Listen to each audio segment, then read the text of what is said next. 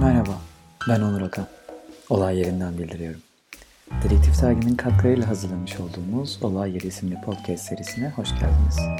Bu seride polisi yazarlarıyla bir araya gelip onların yazmış olduğu kitaplar ve karakterler hakkında söyleşiler gerçekleştireceğiz. Ve yine bu seri içerisinde polisinin nabzını tutmaya devam edeceğiz. Keyifli dinlemeler. Kaydımız başladı. Olay yerinden herkese merhaba. Bu akşamki konuğumuz aslında ilk YouTube denememiz olacak ve podcast'te, Olay Yeri Podcast'e devam edeceğiz. İlk konuğumuz da sevgili Koray Sarıdağan olacak. Koray hoş geldin. Hoş bulduk Onurcuğum. Teşekkür ederim. Çok mutluyum seninle ve olay yerinde olduğum için. Ben de öyle. İlk konum olduğu için teşekkür ederim YouTube kanalında da. Biz Dedektif Dergi'nin 25. sayısı için seninle birlikte bir röportaj gerçekleştirdik. Bir söyleşi gerçekleştirdik. 25. sayıda inanacak ama bunu sesli ve e, görüntülü bir şekilde tarihe not etmek istedik aslında. O yüzden de bugün bir aradayız.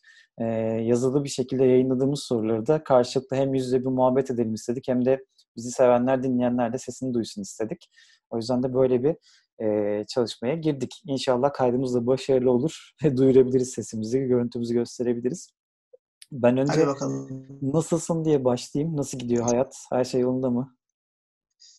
Ee, güzel. Yani şu süreçte, şu son birkaç aydır yaşadığımız hengamede e, hani elbette şikayetçi olmak istesem çok şey var ama görece şanslı bir yerde hani ülkenin güneyinde yaşadığım için e, çok böyle agresif bir tempoda olmadığım için ve e, yine görece güvenli olduğum için her ne kadar son bir iki haftadır yabancı giriş çıkışları yani e, uçak uçuş iniş çıkışları falan başladığı için biraz tedirginiz. Burada arttı vakalar ama yani şu süreçte e, olabilecek en mantıklı ve e, güvenli yerdeyim. Çok şikayetçi değilim. Kafam rahat yani yazmaya devam ediyorum, çalışmaya devam ediyorum. E, yaz bitsin de umarım yani biraz bile olsa normale dönelim falan diye bekliyorum. Onun dışında bir hiçbir sıkıntım yok yani çok şükür. Evet, umarız kısa sürede normale döner.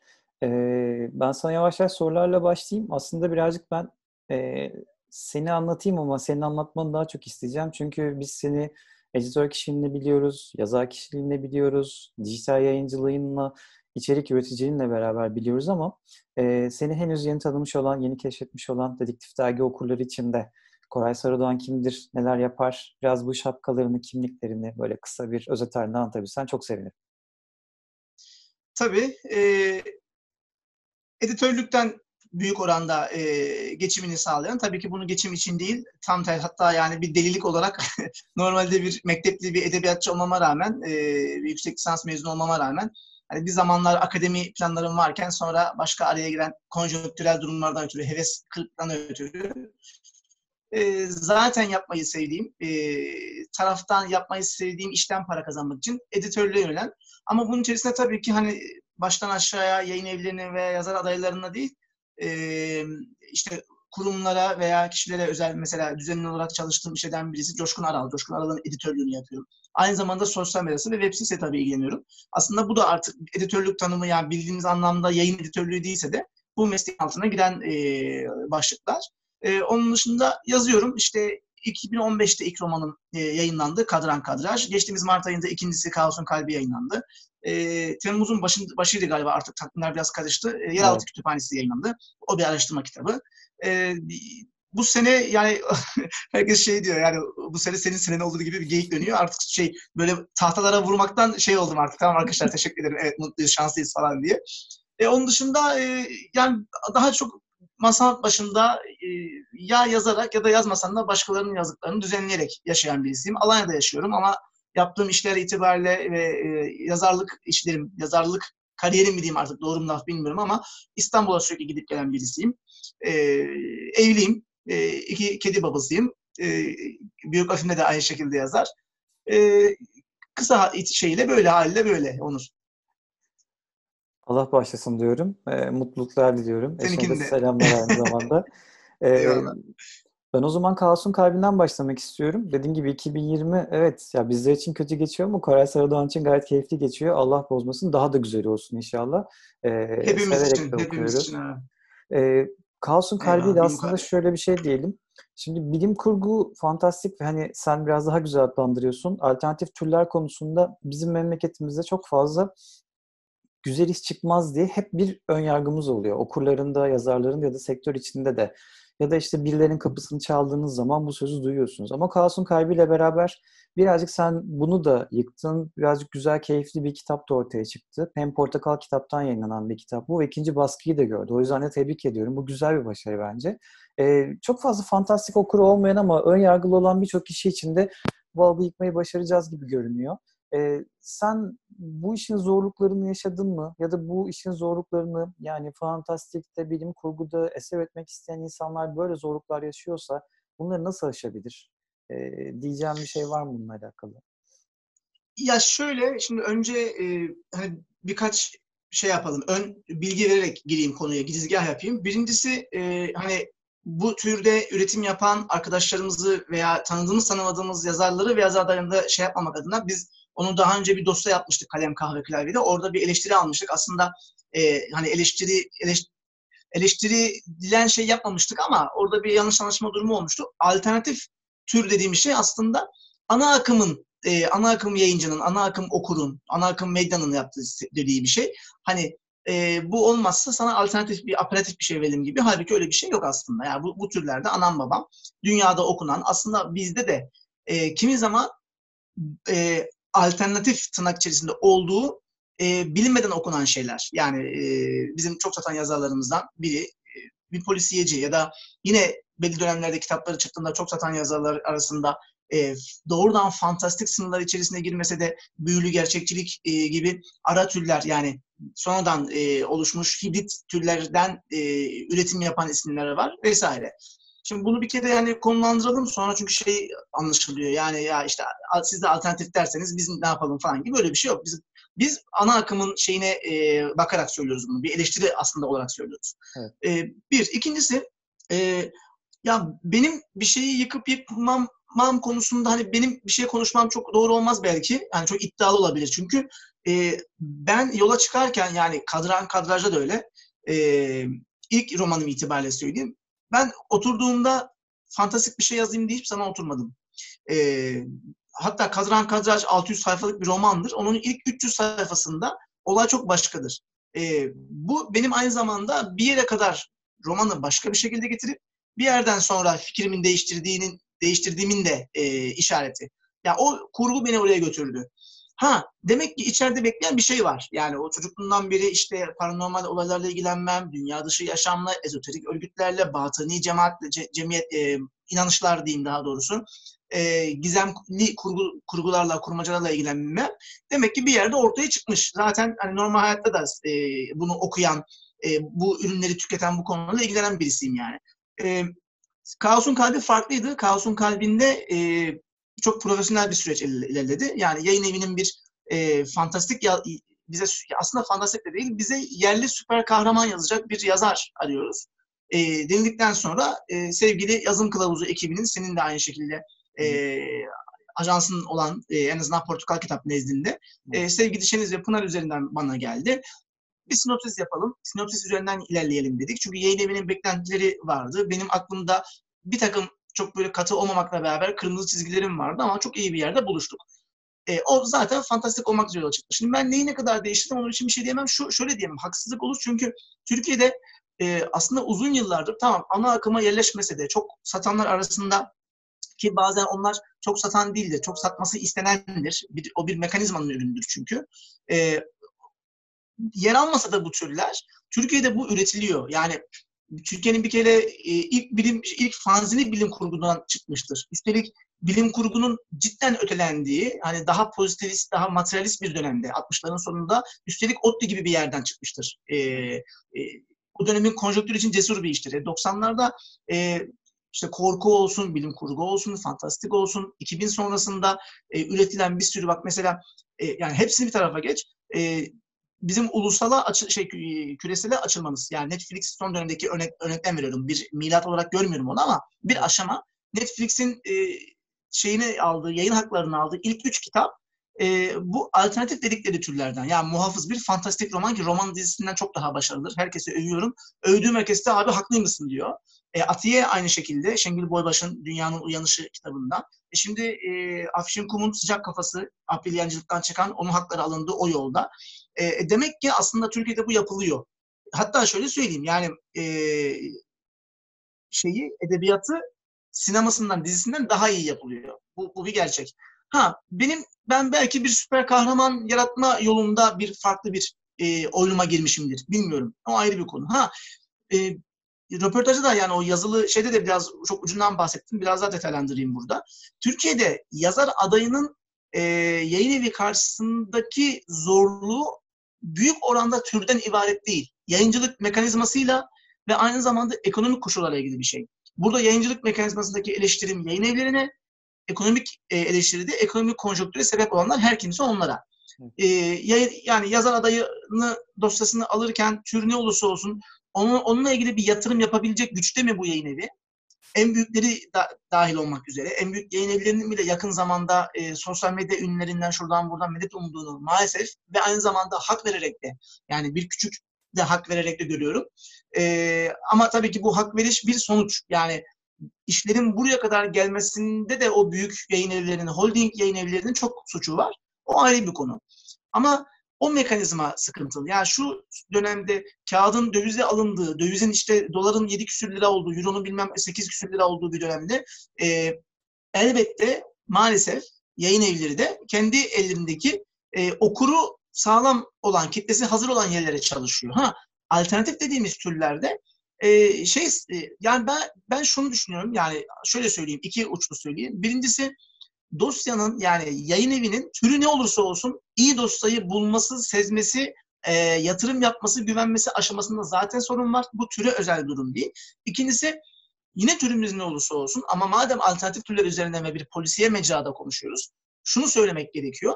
E, gerçekten yaptığımız için de iyi olması gerekiyor. Bak iyi tür oldu, iyi bir tür olduğu zaman e, belki o holding yayın evleri veya işte banka yayın evlerin de değilse bile yani ilk aşamada yeni, yeni yazar adayı için söylüyorum e, o ilk sırada aklımıza gelen her yerde billboardlarda gördüğümüz yayın evinde değilse bir diğerlerinde şansı var. Ama iyi yazılması gerekiyor. Yani burada sadece yayın evlerine yüklenmek de çok doğru olmaz.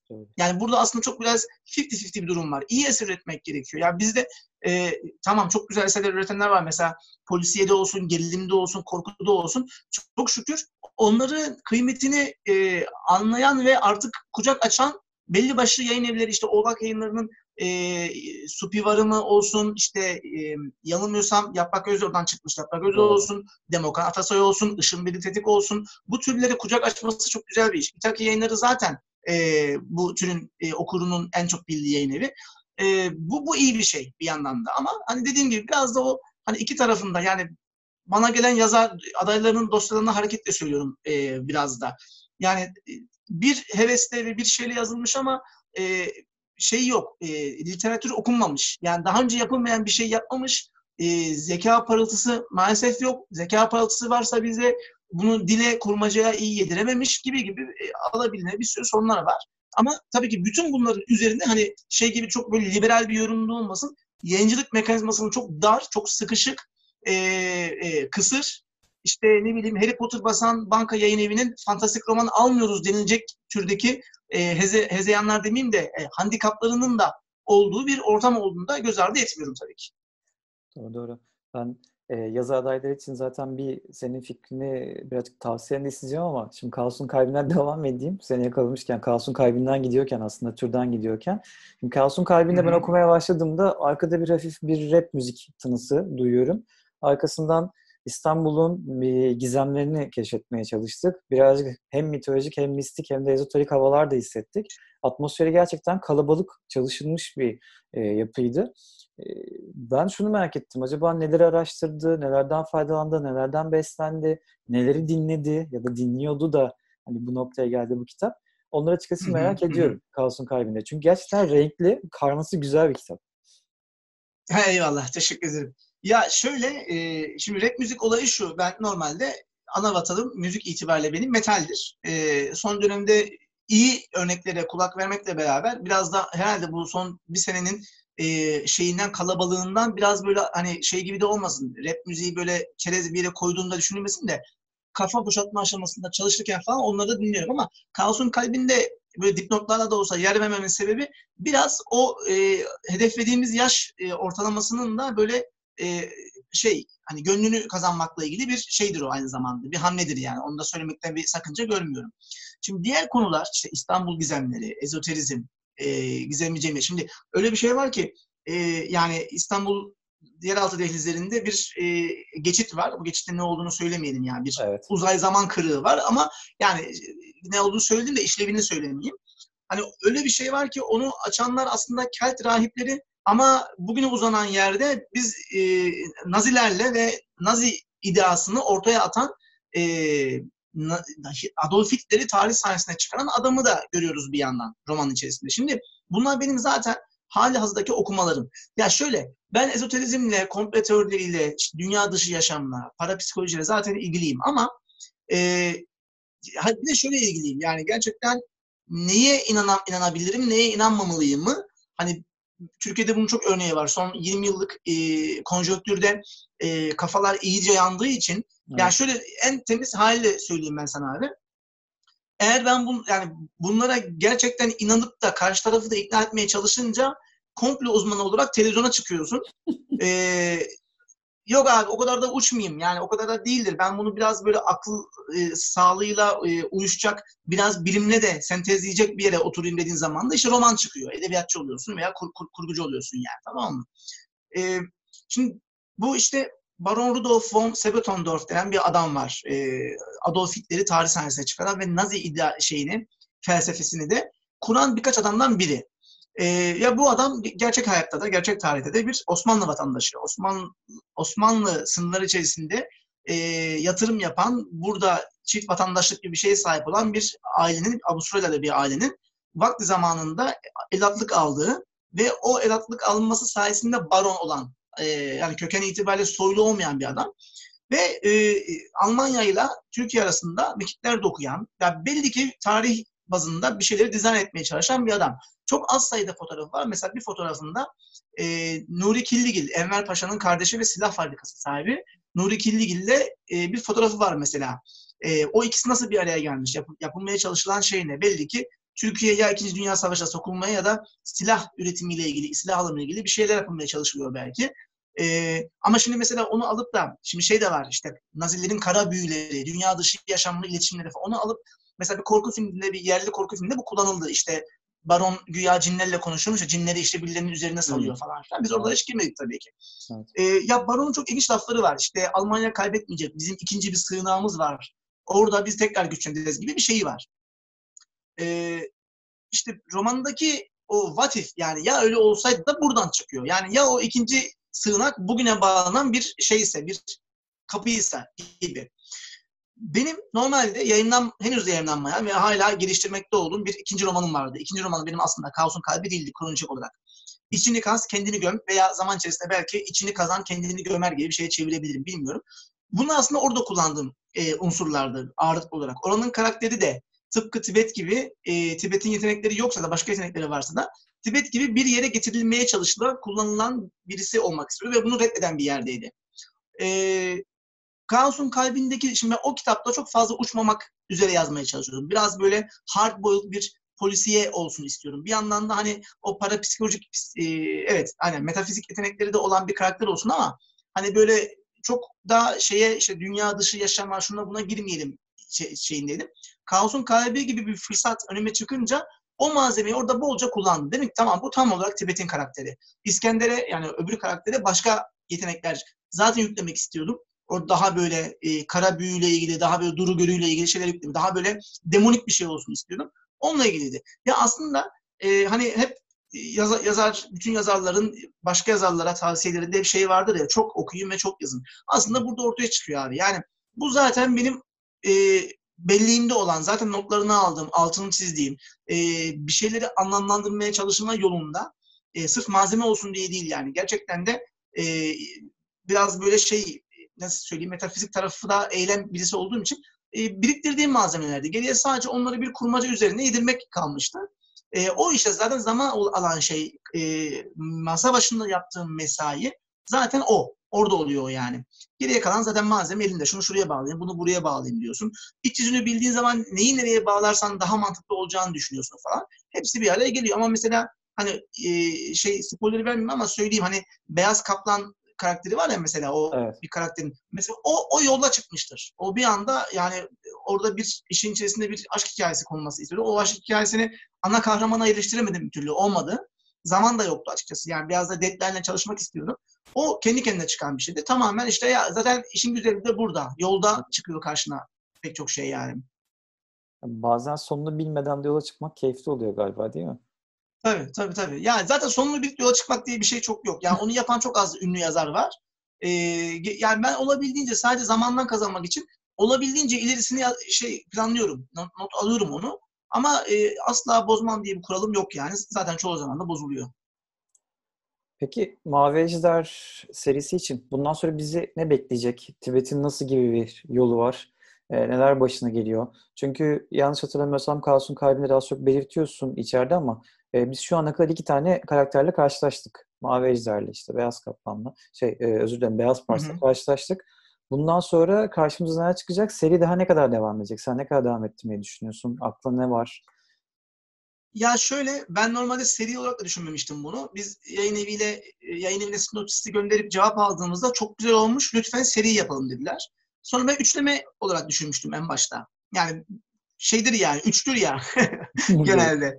Ee, yani niye oldu bilmiyorum. Sonra editör e, Rukiye dedi ki niye üçteki dedi ya yani üç yapmasak hani sınırlandırmasak. Çünkü normalde ilk başta Kozmos üçlemesiydi. Sonra Kozmos serisi oldu. Sonra Mavi Ejder serisine çevirdik. Ee, ya şu an onu planlamadım kafamda. Aslında şöyle ikinciyi yazmaya oturacağım zaman daha oturmadım.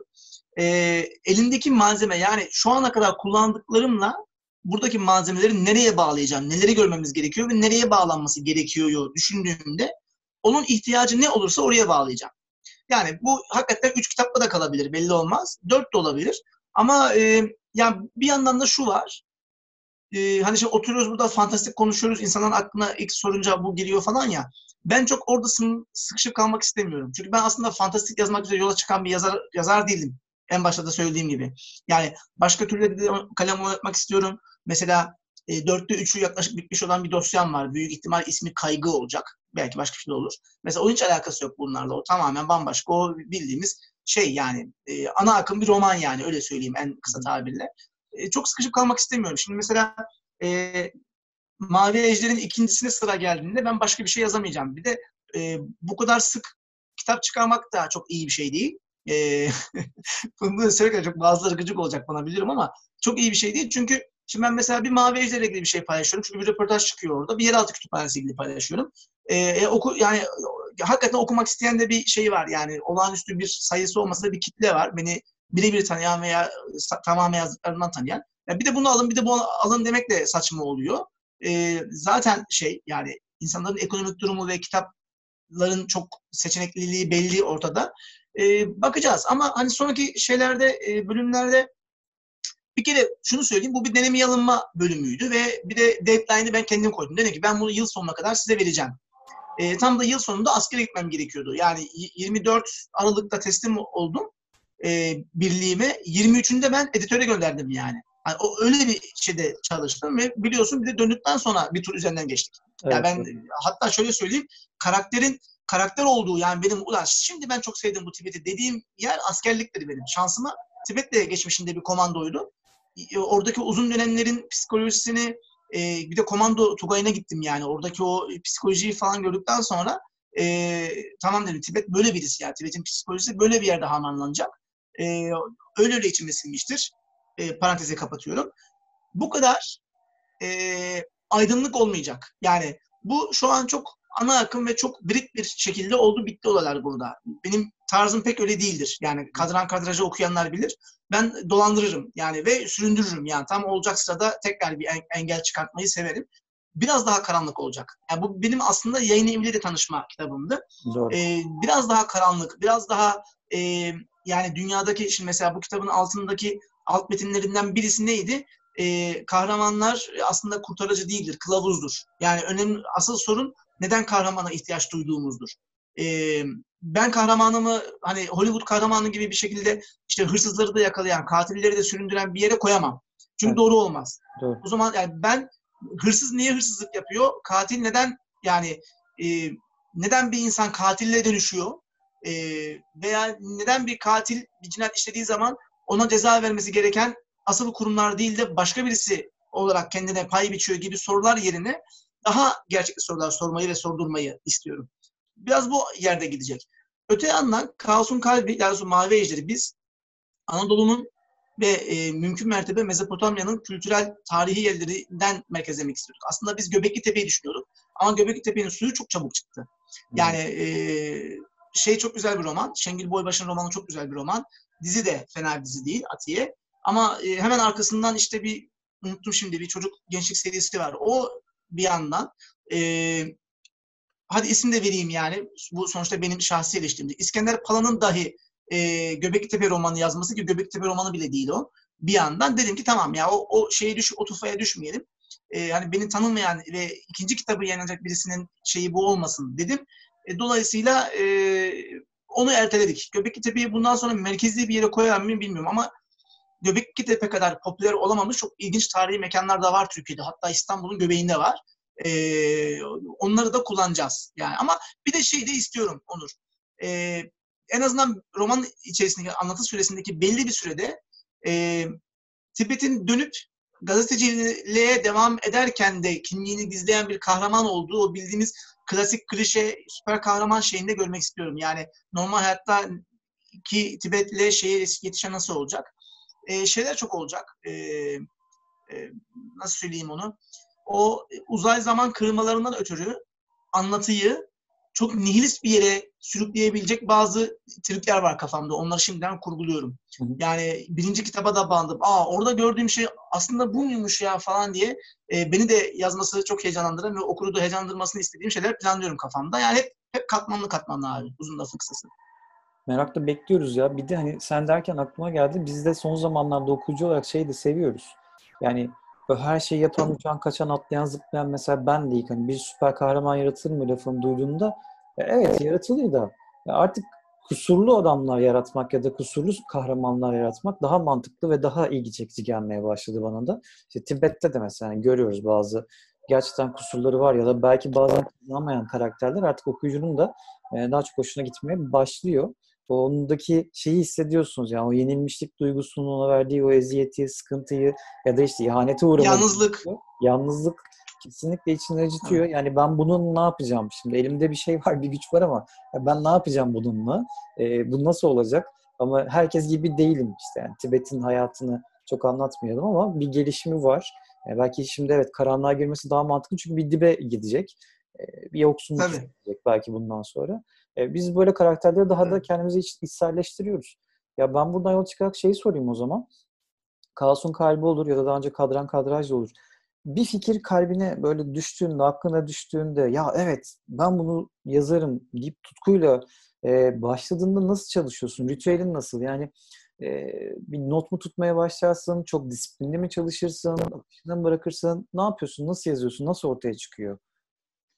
Abi bir kere e, tür, konu, içerik ne olursa olsun o biraz daha böyle e, akademik şeyinden, e, kıllığından gelen bir şeydir. Alan taraması yaparım abi. Yani ne yazılmış bu konuda? E, gerek kurmaca gerek kurgu, kurmaca dışı olsun. Yani ne yazılmış, hangi noktalar, hangi e, hayaller kullanılmış, o mayın tarlasında nereye basmamalıyım? Onu bir kere araştırırım. E, zaten o araştırma sürecinde mesela e, şeydeki Mavi Ejder'deki e, Purba o şey şaman hançeri, Budist hançeri en başta yoktu mesela. Bu araştırmalar sırasında çıktı.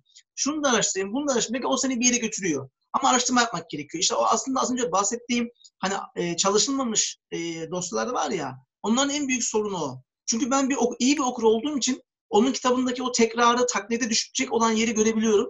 Ama o araştırmadığı için ilk defa kendisi yaptı sanıyor. Yani iyi bir yazar olmak için iyi bir okur olmanın önceliği bu yüzden bu.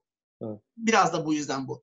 E, ben onu araştırıyorum ve notlarım kesinlikle tabii ki şeyim vardır. Yani her zaman kağıt kalem masada her işimde yani sürekli şeyim bile haftalık programımı bile yazarak yaparım ki bilgisayar çağına doğmuş büyümüş ve bütün işini bilgisayarda yapan birisi olmama rağmen. Ha zamandan kazanmam gerekiyor. Mesela şu anda elinde bir iş var. Deadline olan bir iş. Onun mesela çok yazarak zaman kaybetmek yerine e, doğrudan bilgisayarda yani planlıyorum ama yine düşünürken yani mesela işte ne bileyim soy ağacı kurarken e, olay örgüsü kurarken yine e, şey nedir onun ismi? Kağıt üzerinde görmem gerekiyor. Çünkü ben onu görmezsem biraz disteklik bir şeyim var. E, biraz değil, o açıdan distekliyim yani. Yakalayamam şeyleri, görüntüleri.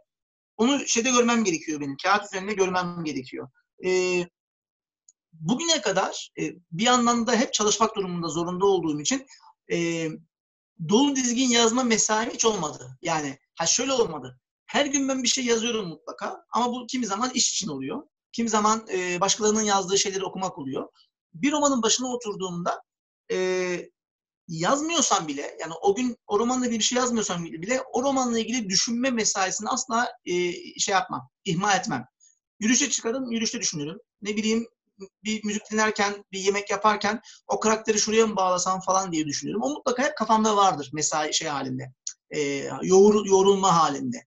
Masa başına geçtiğimde aslında hazırdır. Masa başında işim biraz edebi kısmı, dil kısmı daha çok gösteri yapıyor ben yazarken. Yani hiç beklemediğim bir yerde, hiç beklemediğim cümleler kurmaya ve o karakterin ağzından konuşmaya başlıyorum. Onun yap, yapabilmemin en büyük sebebi de işte o kafamda yoğurma meselesi yani. Ee, eskiden geceleri iyi yazıyordum. Şimdi gündüzleri biraz ya o çok değişiyor işte. Alanya'da yaşayınca yani yılın e, nasıl söyleyeyim e, 6 ayı sağanak 6 ay demeyeyim 4 ayı sağanak yağışlı şu an bile sağanak yağış var bak. Yani e, ilginç evet. bir hava ama ter içindeyiz yani. Anlatabiliyor muyum? Şimdi şey yapsam klimayı falan kapatıp buradan çıksam e, ben olacağım yağmur. E, bir yandan işte gece uyumasam mı, sabah kalkmasam mı falan filan. Sap sapan bir dengesiz bir coğrafyada şey iklimde olduğum için o sürekli değişiyor. Yani o anlamda bir ritüelim yok ama ha şöyle bir ritüelim var. İlla şey yapmak gerekirse sürekli sıcak bir şey içmem gerekiyor. O, o böyle bir beni ne bileyim kafayı mı çalıştırıyor? Ee, ya da ne bileyim ağız alışkanlığı mı oldu yani şey gibi sigara gibi falan bir şey mi oldu bilmiyorum. Ama alkolle çalışmam. Alkol uykumu getirir. Hani o şey vardır ya e, Hemingway'in sarhoşken yaz, ayıkken düzelt diye. O hiç yok abi. Ben içtiğim zaman uyku, uykum geliyor yani. E, gibi gibi gibi. Ama yani sistemim genel olarak böyledir ki hep böyle şey, zikzaklı yani. Peki o zaman şeye geçeyim. Bizim birazcık alanımıza girelim. Dedektif derginin de. Polisiyeyle aran nasıl? Yani okur olarak aran nasıl? E, yazar olarak aran nasıl olacak diyelim. Gelecekte polisiye yazma gibi planın var mı? Çünkü e, bundan bir soru sonra ona da hazırlanmanı isteyeceğim senden. E, yazar biri bir şey yazmaya başladıktan sonra bu işte bilim kurgu dalında olur, polisiyede olur. Her şeyde yazabilir mi? Ya da yazmalı mı? Kendini o kadar geliştirmeli mi? Yoksa gerçekten bir türe ait kalmak, e, öyle gitmek bir tercih meselesi ama bunu doğru buluyor musun? Nasıl yaklaşıyorsun? Oradan gireyim. Polisiyeyle ilgin nasıl? Tamam. Ee, şöyle ya e, şimdi son 2-3 sene hep yoğun ya yazma mesaisi ya okuma mesaisi de geçti. Ben son 200 senedir gerçekten şey kendi kitap kendi okuma programımı yönetemiyorum. Ya çünkü sürekli şunu da okumam gerekiyor. Bunun dışında mesela çok güzel kitaplar almıştım iki ay önce. Şimdi yeni bir iş var elinde bir e, kitap bir dosyası var. E, onun için tekrar 6-7 kitap daha söylemem gerekti ve şu an onları okumam gerekiyor mesela. Polisiye içerikli bunlar da yani kimi zaman olmaya da biliyor falan. Ama onun dışında e, şeyi çok seviyorum yani hani şöyle söyleyeyim abi e, kitap yani şu raftan kitap seçip de okumam gerekiyorsa ve bu bir kurmaca olacaksa mutlaka polisiye veya gizem örgüsü birinci sırada oluyor. E, ama tabii çoğu zaman e, son dediğim gibi son aylarda, son yıllarda çok çoğu zaman günceli çok yakalayamıyorum. E, bu bir. İkincisi e, öbür soru, soruyu anlatacağım yani. Şöyle e, bir kere yazmaya başladım mı farklı türlerde yazmak teknik olarak mümkün. Yani şöyle mümkün. Yazdığın tür içeriği ne olursa olsun, konusu ne olursa olsun yazma bir yapı üzerine kuruluyor. Tamam mı? Ha bu standart bir yapı değil. Yani şöyle söyleyeyim. Yüksek lisanstaki hocamın e, sevgili Yılmaz Daşçıoğlu'nun kulaklar açılmasın hep onu anlatırdı başka bir konuda. Şunu derdi. Yemeğin bir sırası vardır standart olarak. Yani önce çorba gelir, çorbayı içersin. Sonra ara sıcak gelir, sonra ana yemek gelir. Sonra işte yanına soğuk meze salata bir şey gelir. E, ya da esramanlı gelir. En son tatlı gelir gibi. Şimdi bu, bu beşli altılı bir sıralama.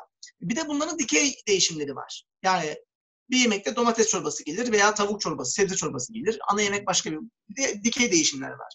Şimdi bu yapıyı bilirsin. Yani karakterini, olay örgüsünü, çatışmasını, e, mekan, zaman, anlatıcı bir e, türü, anla, anlatım biçimleri falan bunları bilirsin. Teknik olarak bunları Hatta kurmaca şart değil. Kurmaca dışı metinlerde bile bu yapı büyük oranda geçerlidir. Yani birinde karakter dediğin şeye öbüründe konu ana konu gelir. Kurma atıyorum işte bir, bir biyografi yazıyorsan ya da ne bileyim bir araştırma konusu yazıyorsan gibi. Şimdi teknik olarak mümkün. Ama ama o teknik yani o yoruma yazarın katacağı hayal farklı bir şeydir. Şimdi ben niye kadran kadrajı aslında bir aşk hikayesi gibi başlatırken bir yanda fantastik bir yere hatta deyim yerindeyse postmodern bir Leyla Mecnun hikayesine niye döndü? Çünkü içeride o varmış. O çıktı or kitabın ortasında. Yoktu benim planımda öyle bir şey. Öyle bir karakter bile yoktu aslında. Ee, Kaos'un kalbini yazarken niye yani biz süper kahraman romanı yazarken neden altta tasavvufi bir şey çıktı ya da e, bildiğimiz anlamdaki ana akım dinlerin e, ana akım din anlayışının bize e, ilk şeyde öğrettiği ana akım kader anlayışının dışında başka bir kader anlayışı getirdim. Çünkü içeride o vardı. Aslında bu romanın kaderle bilgisi yok. Ya da bu romanın tasavvufla e, İslami olarak İslam ya da dini bir şeyle bir ilgisi yok. Ee, tamam bir Budist bıçağı var, işte Naziler var. Bunları hiç o, o kısma girmeden anlatabilirdim ama içeride o var. O evet. çıkıyor yani. Ee, şimdi 90'lar e, yeraltı kütüphanesi de keza öyle. Yani ben yeraltı kütüphanesini çok eğlenceli bir 90'lar nostaljisi haline getirip çok can canlı anlatabilirdim. E, kuşkusuz daha çok satardı. Kuşkusuz belki yayın evimin daha hoşuna giderdi. Ama içeride o yok. Benim 90'larımda, benim içerideki malzememde 90'ların da o kadar iyi olmadığı bir dönem bilgisi var. Ben 90'ları o kadar da iyi hatırlamıyorum. Ya benim çocukluğum çok iyiydi. Benim yaşadığım, dinlediğim müzik çok iyiydi. Ama 90'lar Türkiye'si iyi bir Türkiye değildi. Evet. Hatta bugününü anlamak için çok güzel ipuçları veren ve aslında mevzunun asıl koptuğu noktaydı. E şimdi ben yazarken bu benden çıkacak. Dolayısıyla teknik tamam ama içeride o nüve yoksa herkes her şeyi yazamaz bir yandan da.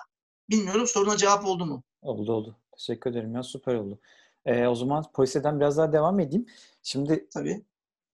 memleketteki polisiyenin durumunu nasıl be- beğeniyor musun, beğenmiyor musun? Nasıl görüyorsun? Yerli polisiyemiz birazcık yükselişte. Gerçekten Polisi Yazarlar Birliği bünyesinde şu an yüzü yakın e, polisiye yazarımız var. Ve bunların çoğunluğunun da kadın olması bizim çok hoşumuza gidiyor e, sayıca da. Kesinlikle. Kendileri de e, yani hakikaten katkılarından dolayı teşekkür ediyoruz. İnşallah daha fazla eser ve daha fazla yazarla tanışma şansımız olur. E, sen nasıl görüyorsun? Nasıl bir yoldayız? Yani yükselişte miyiz? Emekliyor muyuz? Okudukların arasında neler var? Sen kimleri beğeniyorsun? Ya bak bu e, Umut var ya da işte bir klasikleşmeye giden bir yazarımız var diyebileceğin. Belki isim vermek istemeyebilirsin ama Hı-hı. en azından okudukların açısından bir şeyler öğrenmek isterim. Ya isim veririm de e, şu an unutursam ve laf uzar diye onu da söylemeyeyim dersem ayıp ya. Aslında yazılı röportajda da isimler verdim. Yani o an ilk aklıma gelenleri. Ya şöyle e, evet yükseliş yani şöyle e, yayın ve yazma anlamında bir yükseliş var. Burada şeyin etkisi çok büyük. Onu söylemem gerekiyor. E, dizilerin işte bu işte Behzatçı örneğinin e, en başta sonra şeye giren e, internetteki platformlardaki dizilerin e, polisiye türlerde olmasın yerli yabancı bir katkısı var. E, bir yandan da kriminal bir toplum haline geldik. Bunun da katkısı var. E, yani zaten kriminallik artık çok böyle e, gösterimi yani gizleyemeyeceğimiz bir yere geldi maalesef. Evet. Şimdi e, yükseliş var. E, ama ama şimdi geçen işte Nazlı'yla sevgili Nazlı Berbalak'la bir röportaj yaptığımızda e, orada da şeyi hani hani korkuyla ilgili bir şey soruldu. Hani işte korku korku edebiyatıyla ilgili, Türk korku edebiyatıyla ilgili bir çalışma yapmayı düşünür müsün falan diye. Ben de e, yani birincisi bu bunu yapmayı başkası, başkalarına bırakırım. Hak, onların hakkıdır. İkincisi şu an biz şeydeyiz. Yani çok klişe bir laf ama bir geçiş dönemi. Ya şöyle bir geçiş dönemi ama. Artık bundan bir sonraki dönemde şey, e, literatür oturmuş olacak. Çünkü bizim yakın zamana kadar polisiyecimiz bir taneydi. Tamam mı? O aslında hala bazıları için öyle. Yani e, ama ne oldu ya o, o bir tane bizi çok daha şey olmayan yani okurun gözünde polise edince ha o var denilen bir yere getirdi. Ee, Ahmet Ümit'ten bahsediyorum yani ama bu iyi değil. Yani bir kere bu bütün, bütün bu kalabalıklaşma tekelleşme yani Ahmet Ümit'in tekelleşme gibi bir amacı olduğunu sanmıyorum bu arada. Öyle bir öyle bir insan olmadığını biliyorum. Öyle bir yazar olmadığını da biliyorum. Bu biraz piyasanın e, getirdiği bir dinamik. E, o kalabalıklaşma bu açıdan beni mutlu ediyor. Çok seslilik var. Bir yandan bu çok seslilik e, polisiyenin alt türleri açısından da çok iyi. Yani bildiğimiz ana akım polisiyi yazan da işte e, rahmetli Celil Oker olsun, e, Algan abi, Algan Sezgin Türedi olsun. E, işte Derviş Şentekin, Çağatay Yaşmut.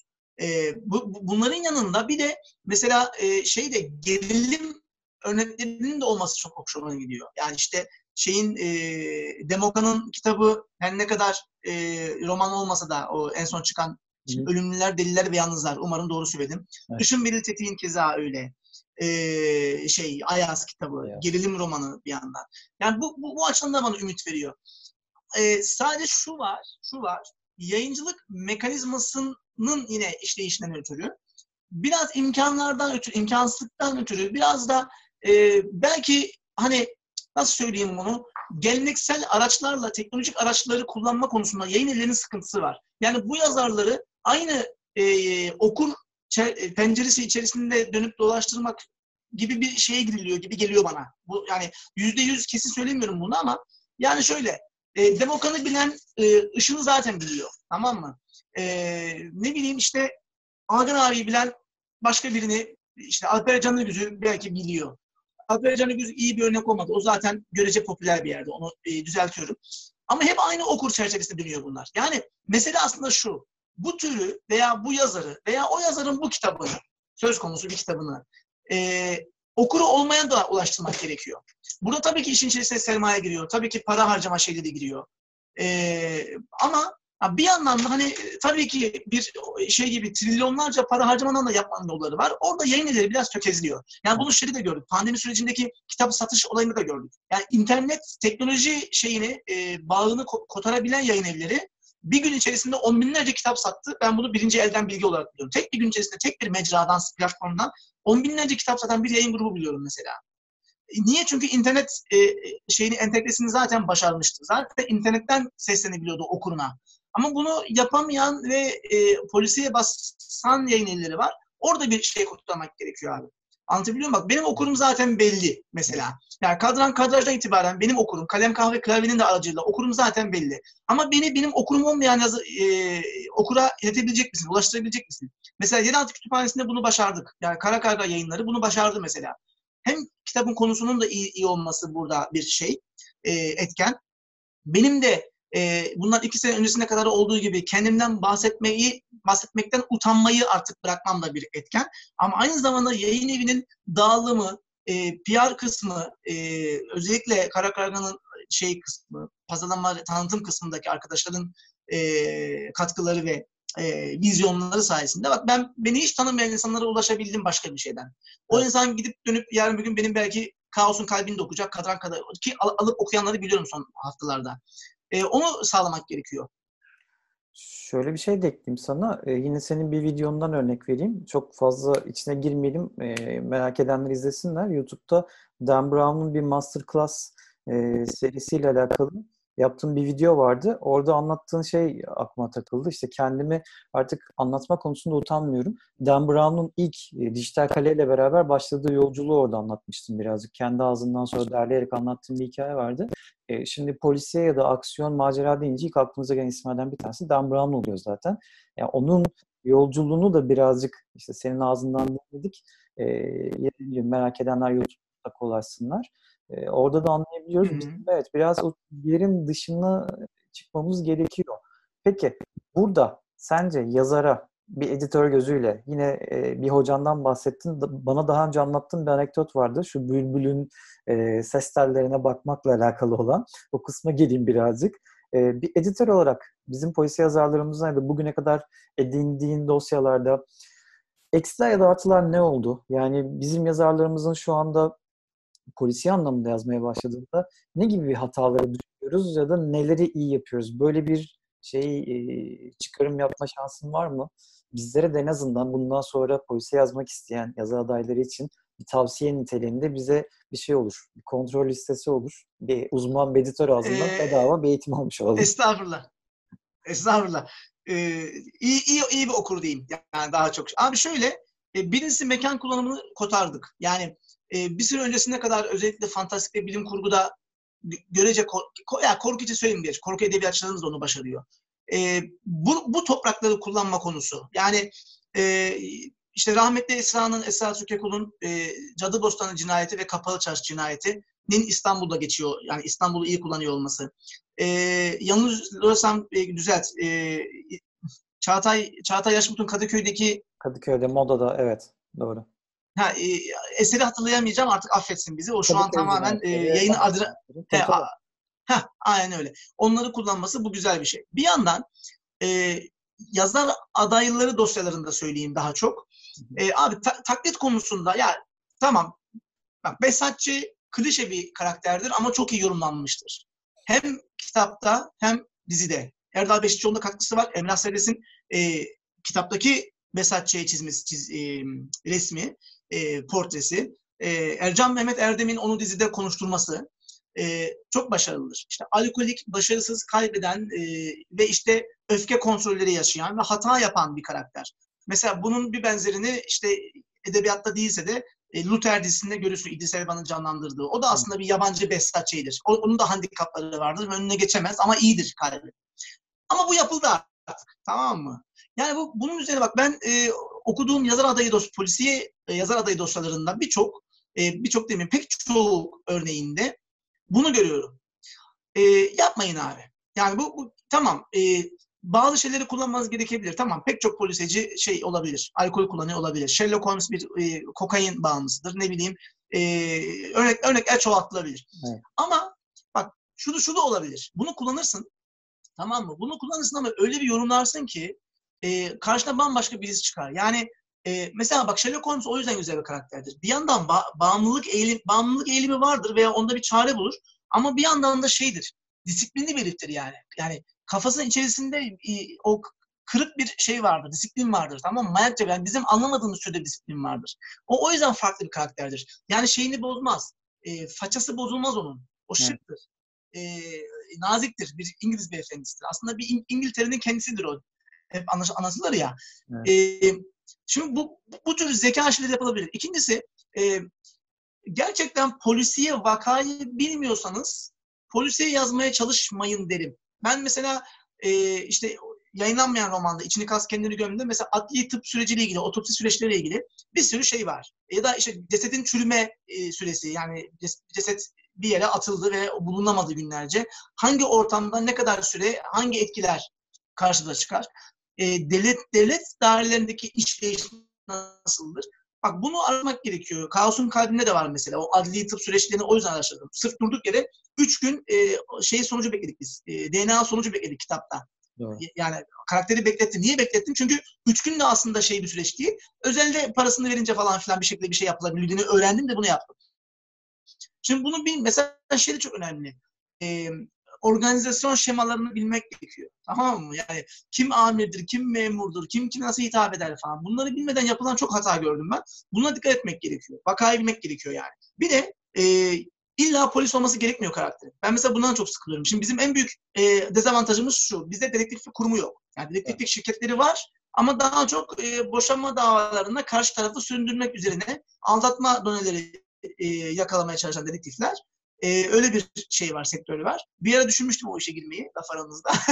e, yıllar yıllar önce. Ortak olun. E, şey, onu, eyvallah. Ondan sonra, ha ne yaparsın bak mesela e, merhum Celil Oker'in karakteri eski bir pilottur mesela. Emekli pilottur. Sonra dedektiflik yapmaya başlar. Acayip oradan vakalar ve vakalara bakış açısı şeyleri çıkar mesela. E, Esra'nın e, Berna karakteri polis bile değildi. Çok sevdiğim bir polis şey e, siyasi polisiye var. Cemaatçinin ölümü. E, bu yakın zaman Türkiye'sinde o e, Cumhurbaşkanı değişiminin sürecindeki o cemaatin çörekleme olanı çok güzel anlatan bir hikaye. E, Barış Soydan'ın. Mesela onun karakteri de gazetecidir. Avukat da yapabilirsin. Ne bileyim e, ya apartmandaki e, görevli bile yani kapıcı bile yapabilirsin mesela polisiyenin ana kahramanını. Anlatabiliyor muyum? Yani bu tür zeka parıltılarını aşmamız gerekiyor kendimizi. E, ve bir de şey çok ağrı sıkıntı. Ya bunu Ahmet Ümit bile yapıyor ve eleştirdim bunu. Ya lütfen diyalog diyalogları ya bu sadece polisiye için geçerli değil ama polisiyede daha böyle bir şey. Bir, Amerikan vari yazmayalım artık yeter. Biz çünkü Türkçe konuşuyoruz ve bizim bir jargonumuz var. Tamam mı? Bak Besatçı bu yüzden iyi bir karakter. Ekrandaki Besatçı. Ahmet Ümit bunu yapmıyor. Ahmet Ümit'in hatası şu. Bütün karakterlerini aynı konuşturuyor. Ee, ben ne kadar başardığım tabii ki tartışılır. Okura kalmış. Ama bir romana çalışmaya başlarken her karakterin en azından ana kayan, çok sık konuşacak olan karakterlere bir e, konuşma algoritması çıkartalım. Hepsinin hangi birinin hangi e, kelimeleri kullandığını, hangi tekrarları kullandığını, neleri nasıl cevap verdiği, konuşma algoritması çıkarın. Bunları yapın. Çünkü karakterler yaş- yaşayan karakter olması gerekiyor. Ahmet Ümit'in en büyük şeyi budur. Bütün karakterleri başka bir Nezat gibi konuşur ve aslında gerçek hayatta kimsenin kullanmayacağı kadar romantik, lirik konuşur. Bizim Türk, Türkiye'deki karakter, Türk, ya Türk insanı öyle konuşmuyor. Anlatabiliyor muyum? Ee, daha doğal konusu. Tepkileri doğal olsun mesela. Gibi gibi gibi. Yani aslında çok polisiye özelinde de sıkıştırmamamız gereken hatalar var. Genel yazma kültürüyle ilgili bir şey bu. Doğru doğru. Haklısın. Ee, ben buradan o zaman şuraya bağlayayım. Kalem kahve klavyeden lafı açıldı. Şimdi bir de dijital yayıncılık ve içerik üretme konusundaki şapkandan birazcık da bahsedelim. Kalem kahve klavye uzun yıllardır yani birçoğumuzun da edebiyat anlamında hem haberdar olmak için hem de gelişmeyi takip etmek için girdiğimiz, okuduğumuz mutlaka günlüklerimizde kayıtlı olan bir web sayfası. Ee, başarısından dolayı tebrik ederiz. Artık 10. yılında yanlış bilmiyorsam ve artık radikal kararlı alıp biraz farklı Evet, bir yola evet. girmeye başladınız. Kalem kahve klavye fikrini az çok Evet. biliyoruz ama bundan sonra neler yapacak hem onu soracağım hem de e, bir atölyen var kalem kahve klavye içerisinde dijital atölye. Az önce konuştuğumuz her şeyi aslında böyle makaleler ve YouTube videolar yapmaya başlıyorsun. Devam ediyorsunuz da. E, bunun katkılarını görüyor mu okuyucular? Nasıl tepki alıyorsunuz? E, veya bundan sonra kalem kahve klavyenin yolu nasıl gidecek? Bundan da biraz bahsedersen sevinirim. Tabii şöyle e, kalem kahve klavye benim aslında yeni mezun işsiz bir gençken ve daha ne yapacağını bilmiyorken açayım da bir bakayım dediğim bir yerdi. Bir blogdu. Kişisel blogdu yani. Sonra e, ben de yazı göndereyim, ben de yazı göndereyim diye arkadaşlarımız işin içerisine girdi. Kalabalıklaştı web sitesi oldu. Daha sonra arada 3-4 sayılık bir e, dergi, e, matbu dergi. Daha sonra bir 10-12 sayılık yanılmıyorsam bir dijital dergi dönemi oldu. Bunlar çok böyle şey işte deneme yanılma işleri yani ara geçiş dönemleri. Normalde en baştan beri biz e, işte yeni kitap haberleri, kitap incelemeleri, mümkünse eleştiri, e, edebiyat ve sektörel e, içerikli olmak üzere. Röportajlar tabii ki ama bunun yanında öykü, şiir, deneme de edebi metinler dediğim diyebileceğim türler de vardı. Şimdi bu 10. yılı bu türleri artık e, düzenli yayından kaldırdık abi. Şu yüzden kaldırdık. E, iki sebebi var. E, yani iki e, çerçevesi var olayın. Birincisi kalem kahve klavye artık bir başvuru sitesi oldu. Yani farkındaysan biz sosyal medyada çok yüklenmedik. Olağanüstü takipçimiz, olağanüstü trafiğimiz yok. Çünkü en baştan beri e, kurduğum sistem şu. Bu konuyu arayan bize gelsin. O konular nedir? İşte kitap mı, edebiyat mı, eleştiri mi, bir metin analizi mi? E, yani kitap incelemesi derken sadece şurada işte yazar bu kitapta çok akıcı bir dil kullanmış. Bu kitap incelemesi değil, bu kitap tanıtımı. Biz ameliyat etmek üzere bir şey yapmaya çalışıyoruz. Ben ve biz.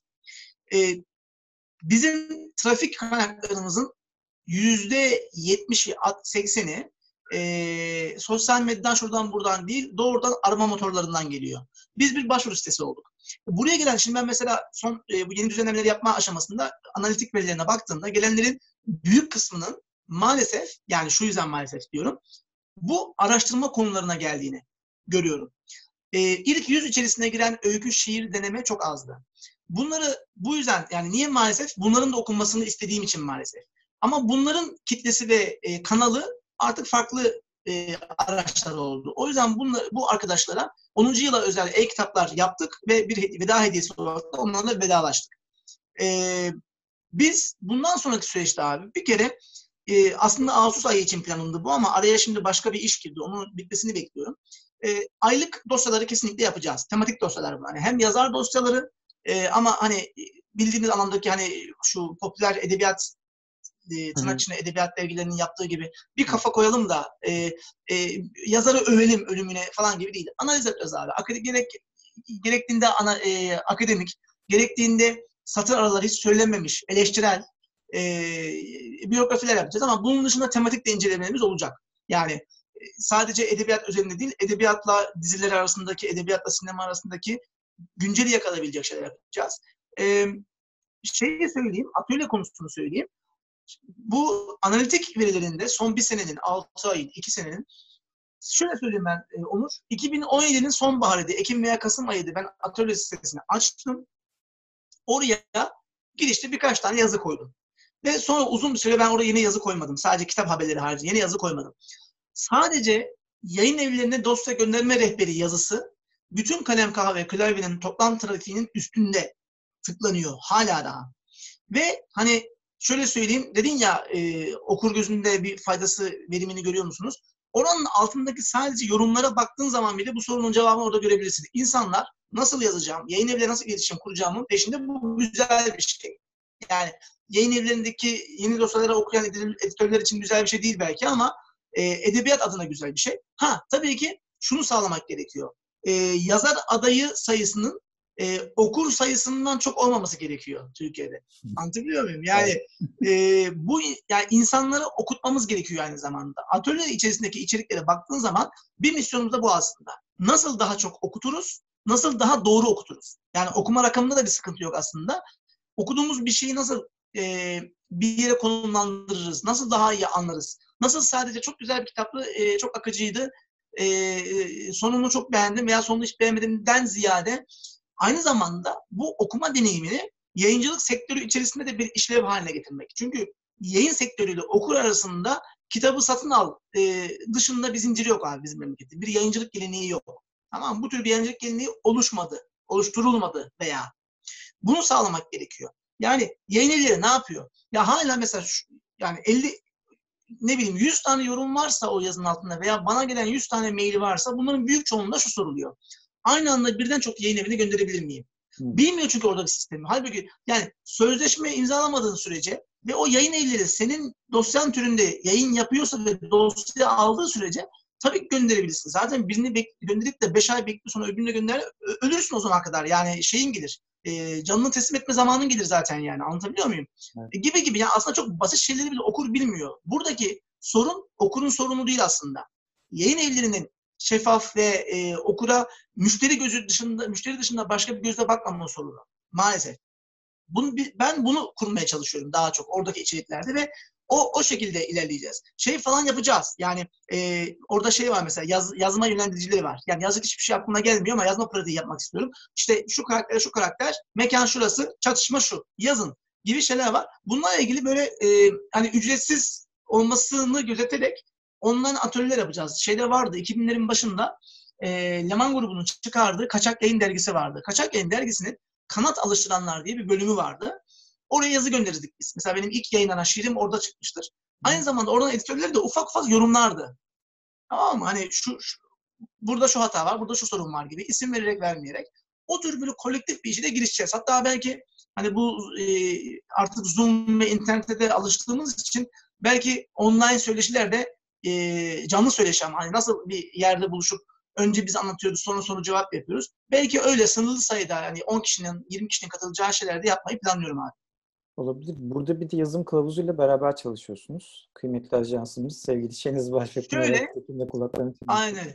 Aynen öyle. Yani be, beraber hani yanlış anlaşması söylüyorum. Aslında e, bir çözüm ortaklığımız var. Yani biz aynı zamanda bu atölye sitesi üzerinden editörlük hizmeti de veriyoruz. Biz dediğim ben kalem kahvekilerle tekim. Yani benim dışında iş evet. pasladığım veya e, şey yaptığım editörlük bazında birisi yok.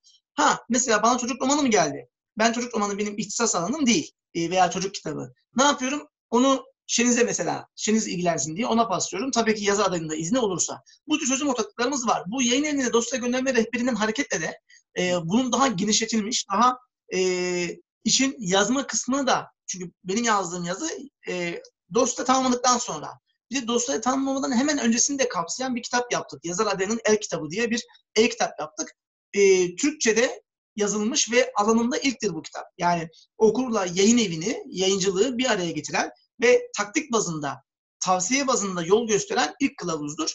Aslında e, biraz o tarafa da Şenizler'le beraber eğilip çünkü şeyimiz var. E, yapılacaklar listemiz var. Yani bir de şu kılavuzu oluşturalım, yapalım diye. E, araya işte bu pandemi girdi. Kaos'un kalbini yazmam gerekiyordu. Öbür kitap yazmam gerekiyordu falan filan. Onları da bu sene e, götüreceğiz yani. Soru bu muydu bilmiyorum ama araya girdim. Evet evet doğru doğru. Yok süper oldu. Sormadan cevaplamış oldun. Yok yok süper oldu. Zaten birçok sorumu sormadan cevapladın. O yüzden ben bazılarını böyle atlayarak hemen hızlı bir şekilde geçiyorum. Ee, şey Eyvallah. Şimdi dijital dönüşüm bugünlerde hepimizin başına gelen bir şey. Yani bu kadar hızlı ilerlemesini beklemiyorduk. Ben 3 aydır evden çalışıyorum. Yani insanların yüzünü görmeden bilgisayar başındayım. 3,5 aydır neredeyse. e, dijital dönüşümden ve dijitalleşmen çok büyük beklentilerimiz vardı. Bu yayıncılık anlamında da öyleydi. İnsanlar bir anda e-kitaplara geçebileceğini düşünmeye başladılar. Kindle'lar çıktığı zaman ama görüyoruz ki aslında o dijital devrim tam olarak daha yaşanmadı. En azından yayıncılık tarafında da. Şimdi Dedektif Dergi de bir dijital dergi ve dijital olarak hayatına devam ediyor 2017 yılından beri. İşte Kalem Kahve Klavye de aynı şekilde. Burada e, gerçekten bekleneni o dijital dünya size okura rahat bir şekilde ulaştırabiliyor mu? Nasıl görüyorsun? Ve birazcık benim gördüğüm kadarıyla işte bu tıklama olanları, işte analitikleri yapıyorsunuz. Biz de mesela Dedektif Dergi'den bakıyoruz en çok hangi hikaye, hangi kelimeye geliyor, nasıl oluyor, nasıl bitiyor diye. Bu tıklama oranlarına e, sanki rating e, oranlarına göre hareket ediyor gibi hissediyor musun bazen kendini? Yani öyle bir sınır oluşuyor mu? bir çıta oluşuyor mu? Yoksa hayır kesinlikle hiç bunları düşünmeden de e, biz hedefe koyduğumuz yolu bu şekilde ilerlememiz gerekiyor deyip böyle oluyor mu? Çünkü Instagram'da, Facebook'ta, Twitter'da e, çok fazla görüyoruz. Hep yönlendirmeye açık. Hep bir yerlere yönleniyoruz ve bir şekilde yönleniyoruz ya da bazı kullanıcıların yönlendirmesiyle gidebiliyoruz. E, bu dijital devrimin önünü kapatan, birazcık daha sektörleşen bir durum olmaya başlıyor gibi. Hani senin fikrin nasıl? Bundan sonra hayat nasıl gidecek? Dijital tarafta, dijital yayıncılığın geleceği, ömrü nasıl olacak? Ne diyorsun? Bu konuda seni e, fikrini almak istiyorum açıkçası. Ee, şöyle Onur, e, önce öbür soruya cevap vereyim. Ee, bizim tarzımız ya da tavrımıza uygun olmayan hiçbir şeyi sırf trafik getiriyor diye yapmıyoruz. Ha, e, yapayım diye not aldığım şeyler var. E, yine kendi tavrımız içerisinde. Mesela e, şu an tam adını hatırla yani şeyi hatırlamadım ama söyleyeceğim. E, bir kitap yayınlanmış. Bir e, Trump'ın eski başdanışmanı mı diyeyim atıyorum öyle bir adamın. E, orada mesela Türkiye'deki iktidarla ilgili bazı sözler var. Büyük tartışma yaratmış ve tabii ki kitap Türkçe'ye büyük ihtimal çevrilmeyecek. Mesela o kitabın yasal pdf'ine, e, e-kitabına ulaştım. E, ama zaman olmadı mesela. Oradaki bizimle ilgili ifadeleri çevirmek istiyorum. Şimdi Kalem Kahve Klavye'nin yeni dönem vizyonunun içerisinde bu da olacak. Sırf edebiyat içerikli olmayacak. Matbuat yani anlatabiliyor muyum? Tamamen matbuat üzerine yani yayıncılık üzerine bir şey yapacağız. Mesela bu çok trafik alan bir kelime ve bununla ilgili bir şey yazmakta bir beis görmüyorum. Ama e, nasıl söyleyeyim? Yani çok trafik alıyor ve çok popüler diye, belli bir kitle çok popüler diye e, gidip Hikmet Anadolu Öztekin'le röportajda yapmam mesela. Hı hı. Anlatabiliyor muyum? Yani bu isim doğru mu bilmiyorum çocuğun da. Yani bu, bu şekilde bir şeyim var benim. E, bakış açım var. E, yayıncılık bazında bakarsak e, hani en temel soru şudur ya kitap bitecek mi? Basılı kitap bitecek mi? Evet. Abi matbu kitap büyük ihtimal yani bizim çocuklarımızın da çocuklarına kadar hani o kadarını öngörebildiğim için söylüyorum. İlla orada bir şey olacak diye söylemiyorum. Kitap bitmez. Matbu kitap bitmez. Bak e, şu anki medeniyetin yani insanlığın alışkanlıkları kolay kolay dönüştürülemez. İşi kolaylaşmadığı sürece. Eğer alışkanlıklar kolay dönüştürülebiliyor olsaydı şu an koronavirüs falan gibi bir şey olmayacaktı. Bak ölmek pahasına şeyi e, hesap dışı bırakarak söylüyorum. Devletlerin çalışmak zorunda olan insanları zorlamasını e, kapsam dışı bırakarak söylüyorum. Ölmek pahasına tatilinden, gezmesinden, tozmasından vazgeçmeyen milyonlarca insan var dünyada. Evet. Bu neye benziyor? Bak 90'larda şey vardı hatırlarsın belki. AIDS ilk çıktığında hani şey hastalığı olarak biliniyordu ya işte e, fuhuş hastalığı. Hani amiyane tabirle söylüyorum. Evet, evet. E, şey yaparlardı, röportaj yaparlardı. Böyle amcalar derdi ki böyle tuhaf tuhaf amcalar ya işte e, sıra bekliyorsunuz gelin evin kapısı şunun kapısında. Ya atın ölümü arkadan olsun derler. Bak biz bunlara biz bunları bu adamları azınlık ve komik olarak eleştirdik, cahil derdik. Bak şu an dünya insanlığı bunu yapıyor. Yani öle, öleceğini bile bile, ölme ihtimali olduğunu bile bile, iyileşse bile tamamen iyileşmeyeceğini, öyle çok tuhaf bir hastalık abi. Herkesteki belirtisi şeyleri farklı bir hastalık yani. Evet. Bile bile tatile çıkan, sokağa çıkan, gezen insanlar var mesela. Ee, bunu hani çok ka- kapsamlı giriş tuttum ama bu bu medeniyeti, bu algıyı, e, evrimin getirdiği bu noktayı bir anda kitaptan, matbudan alıp da şeye götüremezsin. Ha bak şunu götürürsün. Sinemayı içeriye kapatırsın. Sinema zahmet yani görece zahmetsizdir. Oturursun izlersin. Kitap öyle değil. Yani kitabı elektronik olarak okuduğunda da bir zahmeti var. Tamam mı? Yani zahmet tabii senin benim için zahmet değil. Biz zevk alıyoruz da e, geniş kitleler için söylüyorum yani. Yine yine satır yani sayfa karışacak, satır karışacak. Yine bir şey yapacak yani. Orada da bir zahmet. O dönüşmez. Orada bir şey yok. Ben sana şunu söyleyeyim. Bu e, virüs sürecinde böyle büyük büyük yayın evleri e-kitaplarını falan sürdü ya piyasaya. Onların içerisinde şeyi çok merak ediyorum verileri. E, bedava olarak sürdükleri kitaplar, ücretli sürdükleri kitaplar arasındaki indirilme, yani talep farkını ve indirilen kitapların da okunma oranını. Yani indirdi ama ne kadarını okudu, kaç tanesini okudu bunu çok merak ediyorum. Burada çok komik rakamlar çıkacak. Tamamen bir şeydi abi, bir prestij işiydi. Hani kurumsal e, dernekler, vakıflar falan olur ya dergi yaparlar. Dergiyi kimsenin okumayacağını bilirler ama masanın üstünde durur o. Prestijdir. Biraz öyle o. Bana öyle geliyor. Yani ha ne olur şu olur mesela. Ben bir konu araştır, araştırmam gerekiyor. Acil bilgiye ihtiyacım var. E-kitabı var mı abi? Hemen satın alırım onu. Vardır bir sürü. Oradan buradan alıp da sadece belli sayfalarını okuduğum, bıraktığım e-kitapları vardır. Çünkü acelem vardır. Ha çok önemli bir kitapsa eve alırım onu daha sonra koleksiyonuma katılsın diye. O konuda bir şeyim olmaz. Ama orada öyle bir dönüşüm olmayacak. Ha dijitalde, dijitalin kendi içindeki dönüşümü o ayrı bir konu işte. Artık oradayız. Yani artık televizyon yok. Yani hani şey vardı ya işte devrim televizyondan yayınlanmayacak. Devrim internetten yayınlanacak abi. Metafor olarak söylüyorum. Tamam mı? Evet. Ee, orada başka bir şey var. Orada başka bir dünya var. Çünkü artık güveneceğimiz, e, bağrımıza basacağımız bir ana akım yok. E, zevk alacağımız bir ana akım yok. Ya bunu sadece e, hani şey doğrudan söyleyeyim. Yani sadece muhalif ya da sadece bulunduğu ülkenin koşullarından, ana akım medyasından, iktidarından memnun olmayan için söylemiyorum. Yani iktidarın dahi kendi satın alıp da yayınladığı kanalları kendi kitlesini dahi seyretmediğine eminim. Büyük rakamlar itibariyle. Orada öyle bir reyting yok artık. Ana akım gazeteler de öyle. Yani öyle bayiye gidip de alınan o e, işte Türkiye'nin e, Türkiye gazeteciliğinin amiral gemisi denilen markaların da artık okumadığını biliyorum. Yani web sitesine giriyorlardır. İşte web sitesine giriyorlar ama işte. O yüzden. Yani o, oradaki dönüşüm çok farklı. Orada bir şeyler olacak ama e, yani edebiyat siteleri açısından sadece şunu söyleyeyim. Sorunun doğrudan cevabı değil ama daha önemli bulduğum cevabı şu. Türkiye'de bizim mecramızda yani edebiyat, e, kitap, yayıncılık vesaire konusunda alameti farikaya ekole sahip az sayıda, çok çok çok az sayıda yer var. E, e, hala çok boş alanlar var. Yani atölye.kalemkahveklavye.com bir boşluğu yakalamış ve oradan çok güzel gitmekte olan ve daha da gidecek olan bir yer mesela. O boşlukları yakalamak gerekiyor. Türkiye'de hala sorun var o konuda. Evet, biraz da bizim de eğilmemiz lazım. Biz de hani dijitalleşiyor diyoruz, diyoruz ama pek fazla o kullanıcı olarak, son kullanıcı olarak dijitalleşmeye hala gelmedik. Yani biraz daha zaman lazım. O konuda sana da katılıyorum. Ee, peki o zaman son bir soruya geçeceğim. Yeraltı kütüphanesinden konuşmadan olmaz. Çünkü e, ben onu şöyle düşünüyorum. En azından kendim bu kitabın haberini aldığım zaman şey dedim. Ya benim de yani 90'lara dair çocukluğumun geçtiği dönemlere dair mutlaka anlatmak istediğim şeyler vardır. İşte mesela bir sohbette, bir muhabbette ben de birçok kişinin hatırlamadığı şarkıyı ve şarkıcıyı falan hatırlarım. Böyle şey derler. Aa nasıl hatırlıyorsun ya? Mesela Tuğçe San diye birini hatırlıyorum hala. Tuğçe San geliyor diye bir tane şarkısı ve klibi vardı yani çok enteresan. Hiç aklımdan çıkmaz birçok insan hatırlamıyor. Sonra dedim ki ya sen bunu yapınca herhalde Koray'ın da 90'lara dair borcu olduğunu hissettiği bir konu var ve 90'larla alakalı anlatmak istediği bazı şeyler var. Dediğim gibi o dönem aslında Türkiye için kötü bir dönemdi. Hani bize bugünlere zemini hazırlayan bir dönemdi. Biz çocukluk çok bilmiyoruz. E işte ekonomik sıkıntıları biliyoruz. 5 Nisan paketlerini biliyoruz. Ama e, çocukluğumuz çok keyifliydi. Hani sokakta olduğumuz dönemlerde. Şu an belki ben işte çocuğum 3 yaşında sokağa çıkartıyorum ama kimseyle arkadaşlık etmesini ya da apartman, diğer apartmanda komşularla çok fazla oynayıp edebileceğini zannetmiyorum bu saatten sonra.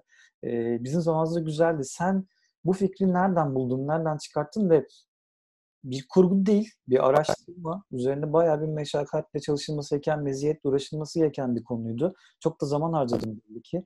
E, nasıl bir fikir, nasıl oldu, nasıl yola çıktınız, nasıl tamamlandı ve şu an e, bu e, esere karşı tepkiler nasıl? Belli bir yere gel bir kütleşecek gibime geliyor yani. İnşallah.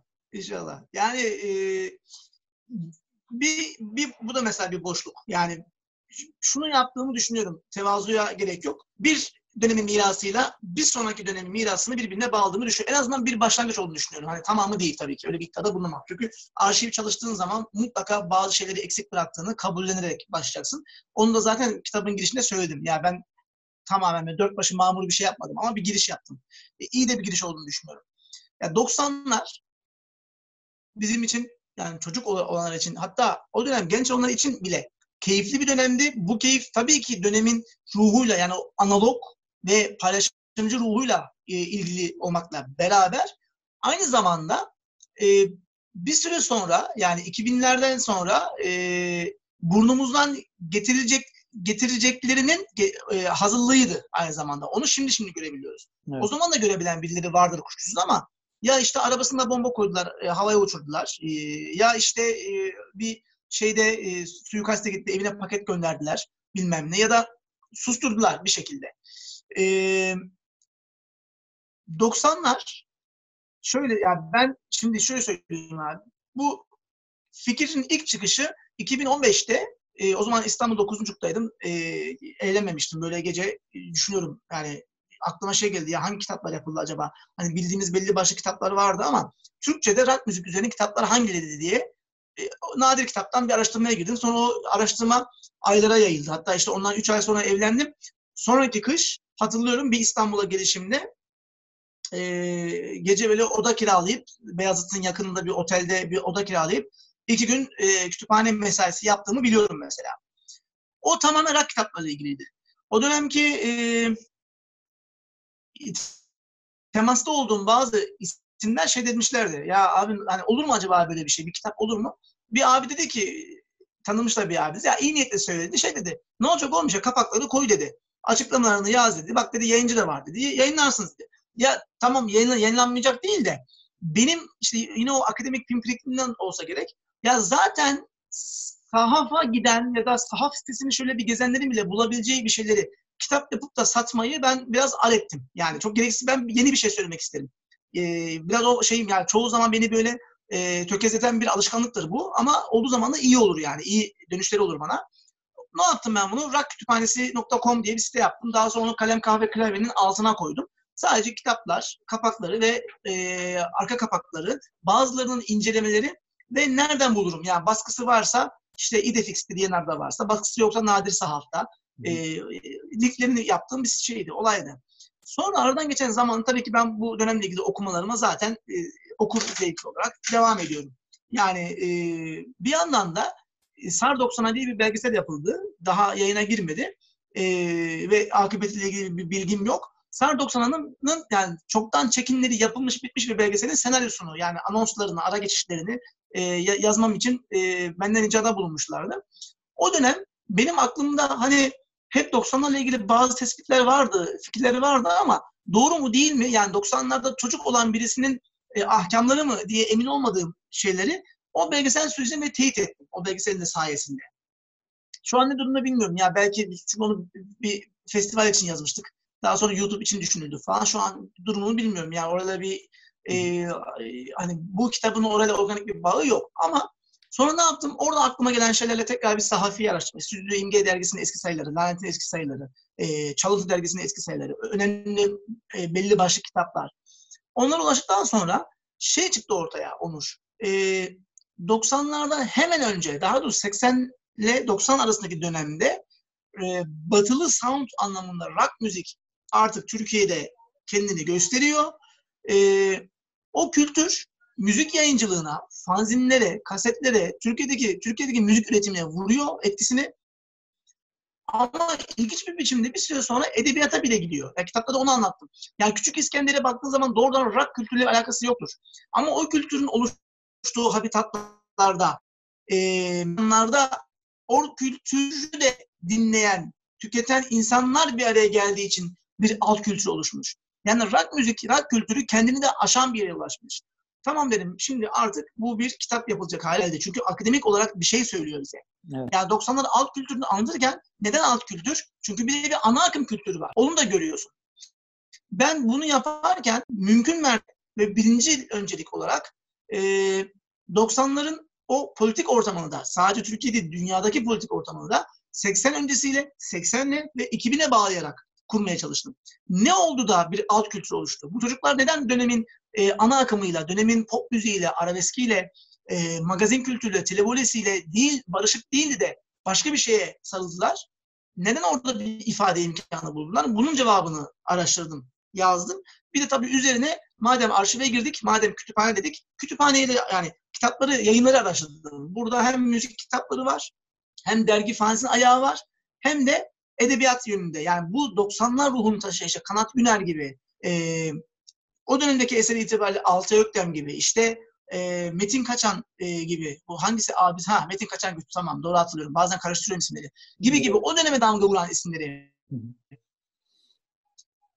E, e, toplayabileceğim bir, e, bir birikim oluştu. Bir de yine akademik pimpirikliğinden ve saygından ötürü kendi kendine konuşmuş, e, kendi yazmış, kendi oynamış olmasın diye Mevkil, Şenol Erdoğan ve Murat Beşer'in de olduğu bir röportajlar serisi ekledim kitabın sonuna. Bu röportaj serisi daha kalabalıktı. Başka sebeplerden ötürü azaltmaya gittik.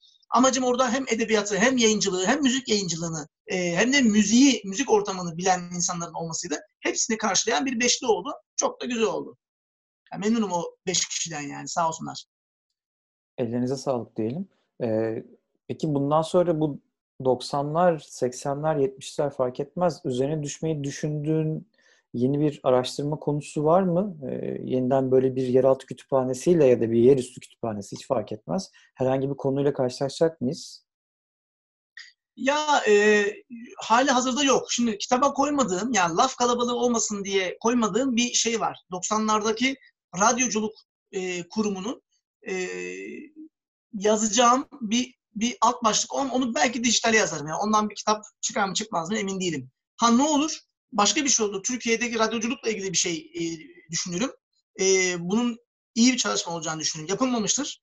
Yaparım. O ayrı konu. Aslında yok şu an için ama e, 90'lar edebiyatına özel bir şey ayrılması gerekiyor. Yani sadece alt kültürel alt edebiyatının da olmadığı 90'lar Türkçe edebiyat, 90'lar Türk edebiyatı daha doğru bir tabir bana göre.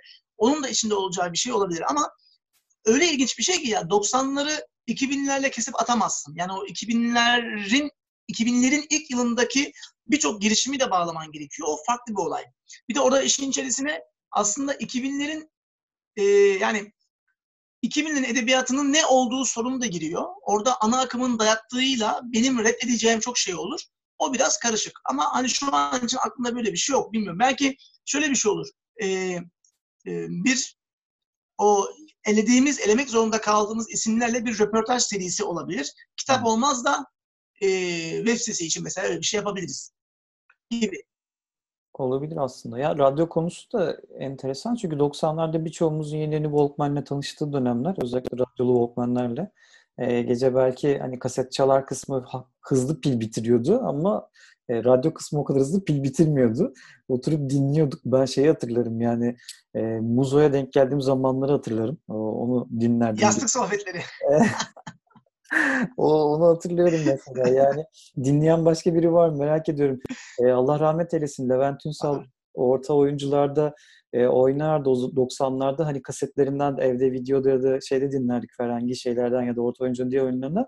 Adam aynı zamanda Satel diye bir yerde de radyo programcılığı sonra Best FM'de yapmaya başlar L cetvelini. Ben oradan, aa ben bunu buradan biliyorum derdim çocuk aklımda. İşte yani bizde de kattığı farklı şeyler var. İnşallah hani olur da. Ya o büyük pardon büyük radyolar dışında bir de 90'ların başında e, ev radyoları var abi. Yani, yani evet. ev ayarında radyoları var. Yani evet. e, bir apartman dairesi tutmuş şey falan var işte o stüdyo, stüdyo imge dergilerinde ya da müzik dergilerinin arkasında Evet. Radyo e, alıcısı, vericisi reklamları var. Ve şey yazıları var. Nasıl radyo tesisatı kurulur? Kurulur. Nasıl evet. frekans satın alırsın? Yani dört arkadaş, beş arkadaş bir araya gelip kurdu, kurulan şeyler var.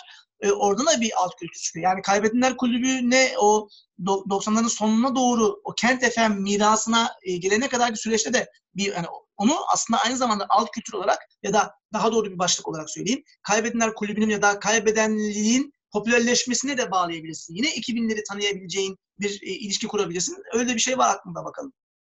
İnşallah. Yani bekleriz. Ee, çok da zamanla almadan son birkaç soruya daha geçeyim o zaman. Aslında yine ya yazıyla alakalı seninle konuşmak çok keyifli de yani şeyde hmm, biz dinleyenleri de en azından ben kendi adıma ben sık Baymayalım. ee, yok yok ikimiz de sıkarız. evet, dinliyorum pardon. Estağfurullah estağfurullah.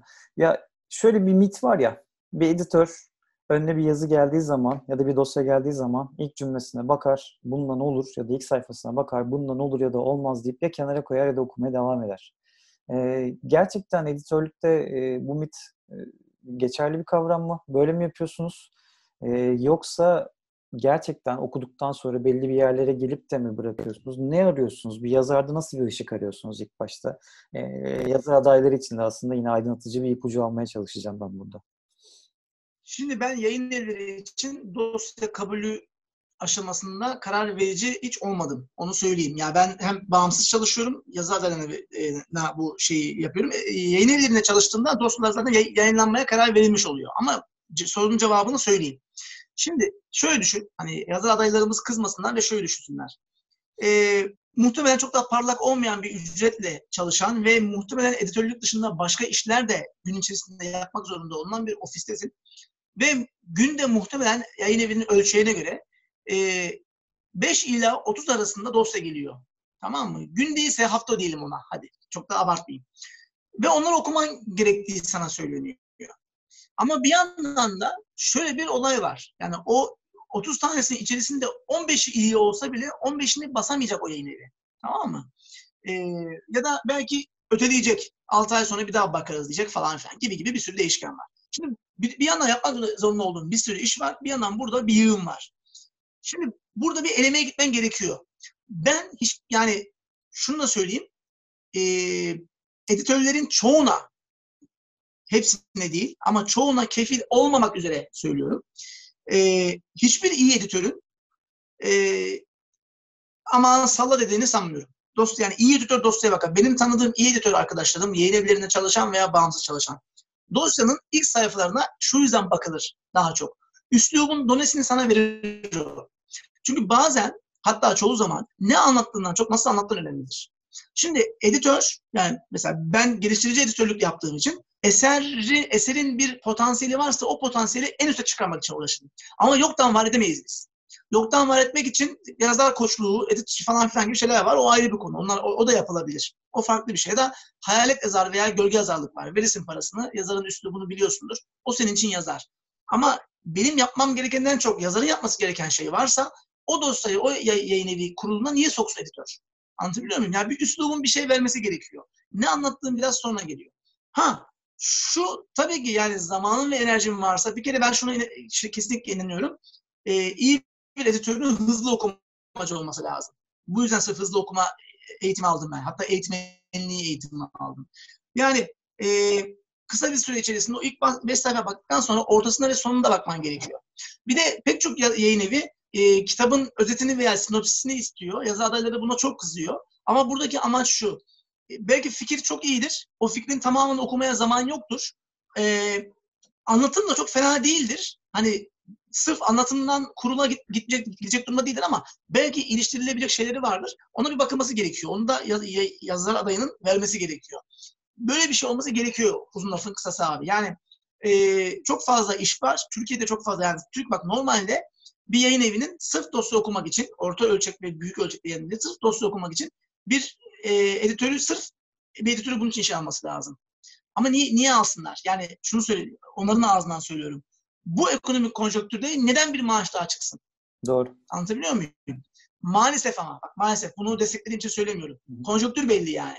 E, böyle bir durum tabii ki var ama hani dediğim gibi o ilk sayfalar ümit veriyoruz. Bak ben hatta şunu söyleyeyim Onur e, yazar adaylarından gelen yani ben yazar adaylarına verdiğim editörlük işlerinde özellikle yayınlanma garantisi olmadığını altını çiziyorum. Ama potansiyelini en üstte çıkarırım.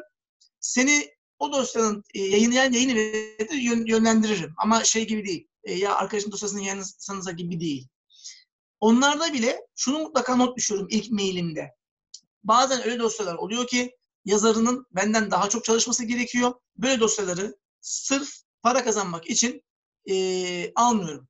Çünkü bu aynı zamanda karşı tarafa da bir ümit vermek demektir. Yani çok kötüdür abi dosya. Anlatabiliyor muyum? Ümit yoktur o dosyada. Yani dili kötüdür, içeriği kötüdür. Hiçbir şekilde yayınlanmayacaktır. Onu biliyoruz. Ben çalışsam dahi yayınlanmayacaktır onun üzerinde. E, durduk yere ben şimdi niye, niye hem kendi zamanımı şey yapayım? Neden onu ümitlendireyim? Çünkü o ümit, ümitin kırılması çok kötü bir kırılmadır. Yani çok büyük bir özgüven kaybıdır. Kimse de onu yaşatmaya vesile olmak istemem. Ama sorunun cevabını kısaca vereyim. Evet öyle bir şey olabilir, vardır. E, ee, 30 tane dosyadan tümünü okumak şey değildir ama zaten iyi editörde bir kısmını okuyunca tüme varım yapar, yaklaşık bir tüme varım yapabilecek editördür.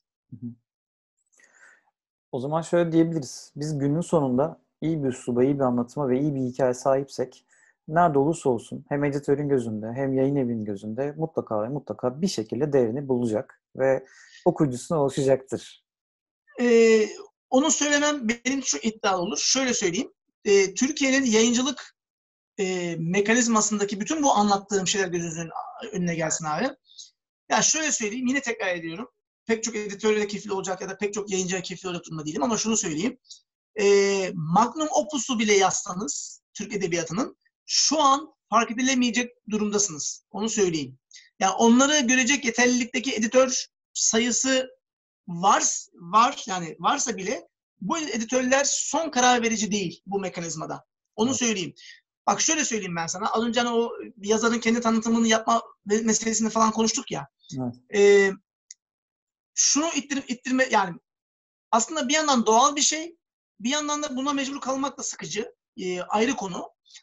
Şimdi mesela e, Avrupa'da, Amerika'da iyi bir yayıncılık ortamında, iyi yayıncıların ve çok fazla ekonomik bol imkanların olduğu bir yerde o güne kadar tek bir kelime bile yazmamış birisi olsanız, hiçbir kitabınız çıkmasa, hiçbir dergide şurada adınız geçmese, iyi bir dosyayı yayın evi fark ederse, anlarsa, yakalarsa size yatırım yapmanın bir yolunu yolunu açar. Sizin tanıtımınızı yapar, sizin PR'ınızı yapar, sizin menajeriniz olur. Türkiye'de böyle bir ortam yok. Sadece yayıncılar için değil, okura ulaşmada da böyle bir ortam yok. O yüzden tabii ki sosyal medya fenomenliği kurumundan konuşmuyorum. O gözünüzün önüne gelmesin. O yüzden tek bir atışım olsun da yani e, yani şey var öyle ya, e, işte mesela geliyor bana diyor ki işte şu yaşından beri yazıyorum bir dosyam var. O yaşından beri yazıyorsan bir dosyan olması çok mantıklı değil. Başka şeyler de yazmış olman gerekiyor. Ya yani bunu müzisyen gibi düşün. Yani müzisyensin, aranjörsün, iyi bir bestecisin. Ama e, albüm yapacaksın ama üç tane şarkın var. Ya yani üç tane şarkı çıkmamalı. Kenarda kıyıda kalmış başka şeylerin de olmalı. Üzerine çalışabileceğin. Anlatabiliyor muyum? Bunun mesaisini yapman gerekiyor maalesef. Biliyorum ekonomik koşullar çok zor, çalışma koşulları çok zor anlıyorum Türkiye'de ama günde 15 dakikada olsa, haftada bir gün 2 saatte olsa o mesai yapman gerekiyor. Bir. İkincisi tek atımım olsun o atımı da yayınımı dosya göndererek yapayım. Başka hiçbir şeyle uğraşmayayım. Hayır. Seni insanların bilmesi gerekiyor. Yani hiç e, tahmin etmeyeceğin bir fanzinde bile adının olması, bir internet dergisinde dahi adının geçiyor olması önemli bir şey. Benim bütün bu yazarlık macerasında en büyük avantaj, en büyük değil, tek avantajım, tek beni bir yerden bir yere getiren şey kalem kahve klavyeyi açmam ve orada yayıncılık yapmakta ısrar etmek etmem olmuştur. Ama mesela şunu yapmadım. Yani bir sosyal medya hesabı açıp da 20 takipçiyle e, sistemin sistemin e, içerisinde 3 tane yazıyla yayın evlerine yazarlara mesaj atıp kitabınızı gönderin tanıtımını yapalım demedim kimseye. Bir, bir, bir de gelmeyi bekledim. Bak bu banka bile e, biraz da süreçteki değişiklikler ötürü bir tane reklam brandimiz var. İkincisi, üçüncüsü, dördüncüsü şu an ben reklam gönderiyorum. Çünkü beklediğim şeyler var. Onlara sunmam gereken bir şey var. Tamam mı? E, durduk yere kendimi parlatamam. Ama şunu söylemeye çalışıyorum. Hani sırf bir sosyal medya hesabınız var diye, işte 1000 2000 tane takipçiniz var diye yayın evleri size kitap önlemek zorunda değil. Ya da reklam vermek zorunda değil. Bu aynı şekilde şey için de geçerli. Yani bunu niye anlattım sana? Yazar, yani bunu yazarla olan ilgisi ne? Kendi mecranızı kurabiliyorsanız kurun. Kendi profiliniz üzerinden bir şeyler paylaşabiliyorsanız paylaşın. Ama bunu da sosyal medya fenomeni gibi yani cin olmadan adam çarpmak konusunda yapmayın. Bir şey bilin, o bildiğiniz şeyi pazarlayın abi. Yani ben hiçbir zaman bilmedim. Şimdi ben ezoterizm, e, ezoterizm de araştırıyorum. Astroloji de, astroloji de hani bildiğimiz haftalık burç gibi değil de e, kozmik anlamda biliyorum. Ama ben çıkıp da komple teorisi yazmıyorum. Çıkıp da e, işte Kızılderili, Kızılderili diyorum ya ne o? Bir şey aklıma gelmiyor. Şunlar aslında Türktü falan demiyorum. Çünkü ben o benim bildiğim bir şey değil. Öğrenmeye çalıştığım bir şey hala. Tamam mı? Ha ben sana sabah kadar tasavvuf anlatırım. Sabah kadar bektaşilik, kalenderilik anlatırım. Ama çıkıp bunu da satmıyorum. Ben bildiğim bir şey satmaya çalışıyorum sana. Ameliyat abiyle. Ben 90'ların yeraltı kütüphanesini biliyorum. Hem yaşadım, hem dinledim, hem araştırdım. Biliyorum. Arkasında dururum yani. Sabah kadar anlatırım. Kaosun kalbinde araştırdığım şeyleri biliyorum. Bilmediğim bir şey işte ne bileyim yani aşk uzmanı olma bilmiyorsan tamam mı? Yani e, ya da ne bileyim şey bilmiyorsan Freud bilmiyorsan, Jung bilmiyorsan e, psikanalitik şeylerle e, insanları e, kandırmaya, insanlara bir şey vermeye çalışma. Örnekler çoğaltılabilir. Evet. Bir şeyiniz olsun, bir mecranız olsun, başka ellere de yazın, kendinizi duyurun. Ama kendinizi duyurunun altına da ürün koyun, ürün. Yani üretin. Üret, üretmediğini söyleyeceğim. Bir dosya yazdım. Hadi bakalım inşallah olur. 10 senede olsa bekleyeceğim. E, öyle bir şey yok. İkinci yaz, üçüncüyü yaz. Ben Kaos'un kalbini yayın evine verdiğimde arkada bekleyen 3 dosyam var. Hala var o dosyalar. dosyalar. Yeraltı kütüphanesi e, fikir olarak hazırdı. Sözleşmesi yapılmıştı. İçini kaz kendini görüm. Kayık bak bunu hala bekliyor. Ben bir yandan da dördüncü bir dosya yazıyorum mesela. Anlatabiliyor muyum? Böyle olmak gerekiyor. Öbür türlü olmaz. Yani bu yüzden hani her iyi eser bir tane iyi eser yazdım mutlaka bulacak. Bulmayabilir. Kusura bakma. Yani hani şey e, ne kadar köfte o kadar para muhabbeti yapmak istemiyorum da daha güzel sözler var bununla ilgili. Yani su yatağında akar. Hadi bak daha evet. güzel bir söz. Su Aynen. yatağında akar abi. O yatağı açmamız gerekiyor yani. O yüzden ben girişi cümlenin buraya geleceğini bildiğim için giriş öyle yapmak istedim. Teşekkür ederim sağ olasın. Koray Sarıdoğan'la icraatın içinden ve yaratıcı yazarlık konusunda da e, güzel bir söyleşi oldu. Ben çok teşekkür ederim. Ee, son olarak hani Dedektif Dergi okurları için ve bizi hem Olay Yeri Podcast'ten hem de Dedektif Dergi YouTube kanalından dinleyecek olanlar için söylemek istediğin birkaç bir şey var mıdır? Sonrasında kapatacağız yavaştan. Ben çok teşekkür ederim sana, ekibinize, mecranıza. Gerçekten hani ya konuyu bilen insanla muhatap olmak e, yani şey gibi söyle bunu böyle bir yerden söylemiyorum ya anlatabiliyor muyum? Bak bir şey seninle biz bir ara girişimizde de öyle biliyorsun yani senin mesela alanın e, siber güvenlik vesaire benden çok uzak ama bilen birisiyle konuşunca çok güzel oluyor. E, her konuştuğumuzda o hani ayaküstü sohbetlerde bile keyif alıyordum. Bu da çok güzel oldu. Hem insanlara bir şey vermek adına hem seninle bir şeyler konuşmak. E, bütün bu konuştuklarım içerisinde çok e, işte küstah ifadeleri kullanıyor olabilirim. Bu ifadeler benim kendi oturduğum sandalyeden değil, tamamen konjonktürel ifadelerdir. Ee, hani bir, bir yere gelmek, bir, bir şeyler üretmek istiyorsak gerçekten o ırmakta akmamız gerekiyor. Röportajda da söyledim. Ee, yaptığımız şeylerle özellikle söz konusu edebiyatsa aramıza üçüncü unsurları yani editör için yazmamalıyız, yazar için, yaz, e, okur için yazmamalıyız. Kendimiz için hani bu şeye benzer. E, kendi yemeyeceğim şeyi, çocuğuma yedirmeyeceğim şeyi satmam der ya esnaf. Bu evet. onunla ilgilidir. Yani kendi bilmediğin, sevmeyeceğin şeyi üretmemek gerekiyor ama bir yandan da üretmeye devam etmek gerekiyor. E, polisiye diğer türlerin pek çok türün aksine zeka parıltısı gerektiren, e, farklılık gerektiren e, bir alan. Bu sadece yazmak değil, okur bazında da öyle. O yüzden hani polisiye ilgisi olup da buraya gelen insanlar olduğunu olduğunu varsayarak harekete geçiyorum. E, bu bir şans. Yani polisiyeyi tanımak, polisiyenin içerisinde olmak, e, yazılı röportajda da söyledim. Ben türüm ne olursa olsun mutlaka polisiye kurguyu, polisiye kurmacanın gizemlerini, katmanlarını e, önceleyen birisiyim. Onu seviyorum, ondan tat alıyorum. O yüzden o hani e, şans, yani eğer azınlıksak bile okuru ve yazar olarak şanslı bir azınlığız. Ama azınlık olmadığımızı ve kalmayacağımızı biliyorum. E, bir de bu kadar madem kitap konuştuk. Hala okumayan varsa Onur Okan'ın Altın Balığı'nı lütfen okusun. E, tür, türünde alanında e, Türkiye'deki ilk romanlardan birisidir. E, o siber güvenlik mevzularını e, kurmacaya yediren ve e, bütün bu yazı boyunca bahsettiğimiz o şeylere giren, e, nedir onun ismi, handikaplara girmeyen gerçekten buranın dilinden, buranın ağzından yazan, e, yazılmış bir eserdir. E, onun için tekrar tebrik ediyorum Onurcuğum seni. Çok sağ olasın. Utandırdığın için de bunu unutmayacağım. Teşekkür ederim. Yaparım. Senin, Yaparım. E, senin de kalemin tükenmesin inşallah. Çok teşekkür ederiz. Çok keyifli oldu bizim için. E, yeniden görüşmek adına inşallah devamlarını çekeriz. E, yine karşılıklı böyle sohbet ederiz. Daha hızlı, daha güzel bir internetle beraber e, yoğun olmaya. E, sürçülisan ettiysek affola diyelim. Herhangi bir yanlışımız varsa da kusurumuzu af buyursunlar. Hem dinleyenler hem izleyenler. Yeniden görüşmek üzere. Ee, sana da iyi akşamlar diliyorum. Eyvallah. Hoşçakal. Kendinize iyi bakın. Sağ olun.